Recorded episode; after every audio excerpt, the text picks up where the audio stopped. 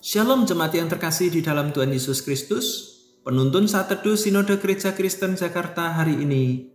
Jumat 12 Agustus 2022. Laris atau lurus. Amsal 3 ayat 5 dan 6. Percayalah kepada Tuhan dengan segenap hatimu dan janganlah bersandar kepada pengertianmu sendiri.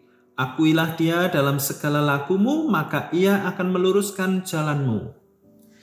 Saat masih remaja, di masa liburan sekolah, terkadang saya membantu mama menjaga toko baju di Tanah Abang.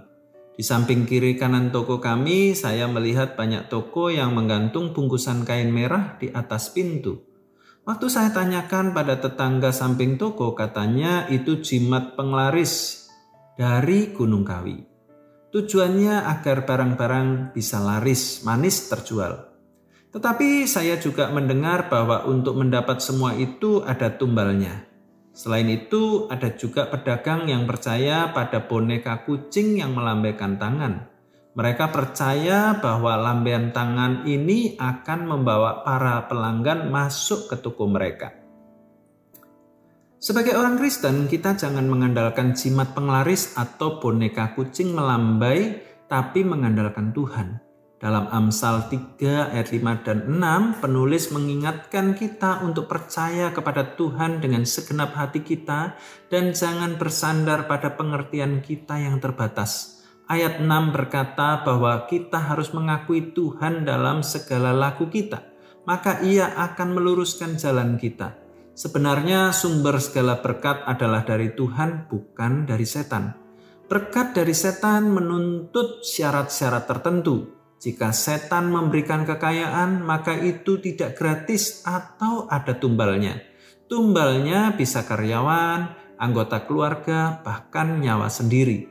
Sedangkan berkat dari Tuhan diberikan dengan tulus, tidak perlu tumbal. Tuhan kita adalah Tuhan yang baik. Ia ingin memberkati hidup kita bahkan sampai melimpah.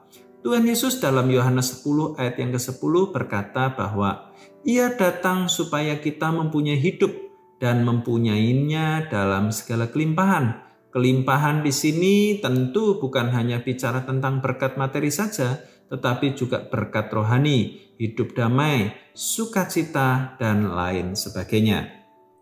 Dalam menjalankan usaha kita harus mengandalkan Tuhan bukan mengandalkan jimat ataupun kekuatan lainnya. Kita perlu melakukan bagian kita, bekerja dengan rajin, berdagang dengan jujur dan ramah. Tuhan akan melakukan bagiannya untuk memberkati kita. Hiduplah takut akan Tuhan dengan menaati firman-Nya. Jangan kita tergoda untuk mencari berkat kekayaan dengan jalan pintas ke dukun atau ke Gunung Kawi.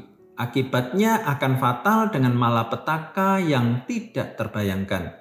Jangan sampai kita menyesal seumur hidup. Andalkan Tuhan dalam usaha kita. Inilah jalan yang terbaik, jalan lurus dan penuh berkatnya. Bagian kita adalah bekerja dengan jujur dan rajin, berkat adalah urusan Tuhan. Selamat beraktivitas, Tuhan Yesus memberkati.